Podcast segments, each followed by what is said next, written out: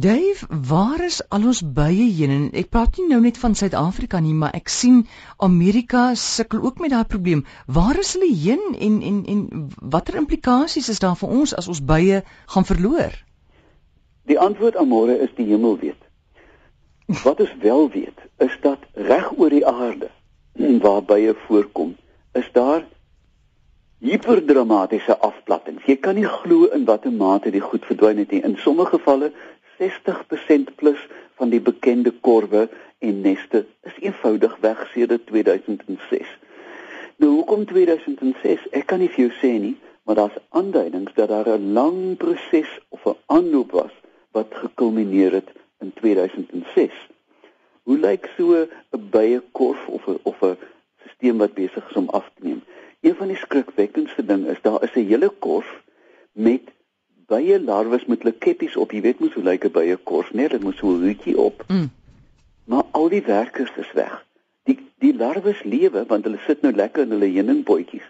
Maar daar is niemand tot hulle ontpop, is daar niemand om hulle te voer nie. Met ander woorde, daar sit die hele funksionele korf met niemand daarin nie. Byna soos 'n stad wat ontvolk het. Dan is daar 'n bykomstige groot heuningvoorraad en styfmeelvoorraad. Met ander woorde, dis net so gelos. Dis 'n spookstad of 'n spookinsekstad en dan nog erger. Ergens in hierdie verlate stad sit daar 'n lewendige koningin. Die res is weg. Dis triestig om te dink hierdie verlate koningin met die larwes wat ontwikkel en alles om haar is weg. Voor hierdie punt kan 'n mens sien dat daar was al hoe minder werkers, hulle het by die dag minder geword. Die werkers was almal jong volwassenes, met ander woorde die ou ouer bye wat geweet het waar die kos is, is reeds weg. En wat baie interessant is, bye steel moes vreeslik by mekaar. Hulle vlieg heen en weer en knip hier af dat daar min diefstal is in hierdie korwe wat so verlaat word. Met ander woorde, daar's nie bure om by jou te steel nie. Nou wat is die oorsaak hiervan? Een van die subtiele goed is daar's min genetiese variasie in bye. Jy weet ons teel bye van bye en boere maak byna klone van hulle eie bye. Met ander woorde, hulle is nie robuust nie, hulle is nie sterk nie, hulle is nie soos bye in die woud daar buite nie. Met aardverwarming is daar meer droogtes en vreemd genoeg word dit voorkom as die kwaliteit van die kos, met ander woorde van die nektar en die stuifmeel ook besig is om af te neem. Maar dan is daar nuwe patogene, met ander woorde siektes en daar's die hele rits van die goed. Daar's myte wat op die bytjie sit as jy na die by kyk as hy oortrek met byna soos klein bosluisies, maar die goed dra weer virusse. Met ander woorde die myte dra eintlik 'n ander ehm um, uh, siekte oor. Uh, en daar's een die Israeliese akute verlammingsvirus. Dan dra daar organismes fungus, met ander woorde swamme, die bye kry swamme. Alles tel teen die bye dan almore van die ergste is natuurlik insekdoders. Daar is min insekdoders wat 'n vrugtevlieg doodmaak wat 'n by nie beïnvloed nie.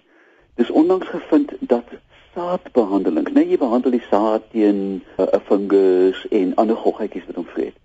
Dat die saadbehandeling chemikalieë reg deur die lewe van die plant deur die plant versprei word en uiteindelik in die stuifmeel en nektar land. In ander woorde, saad wat 'n jaar van tevore behandel is, dra hierdie gifstowwe deur na die nektar.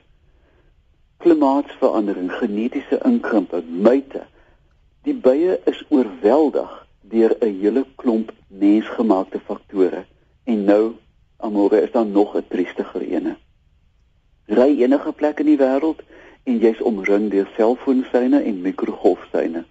Daar is nou akute toegewyde navorsing aan die gang om te kyk en dit is duidelik dat al hierdie elektromagnetiese bestraling besig is om die bye te verwar.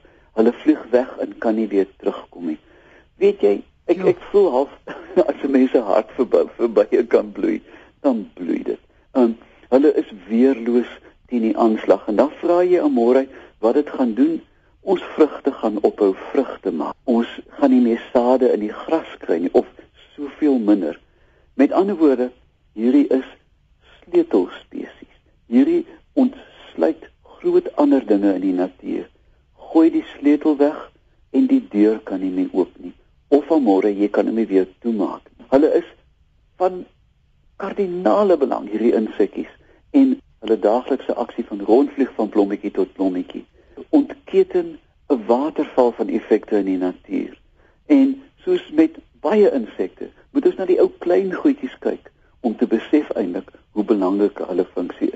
Aldus Dave Peppler en jy kan hom kontak by oompie@iafrica.com.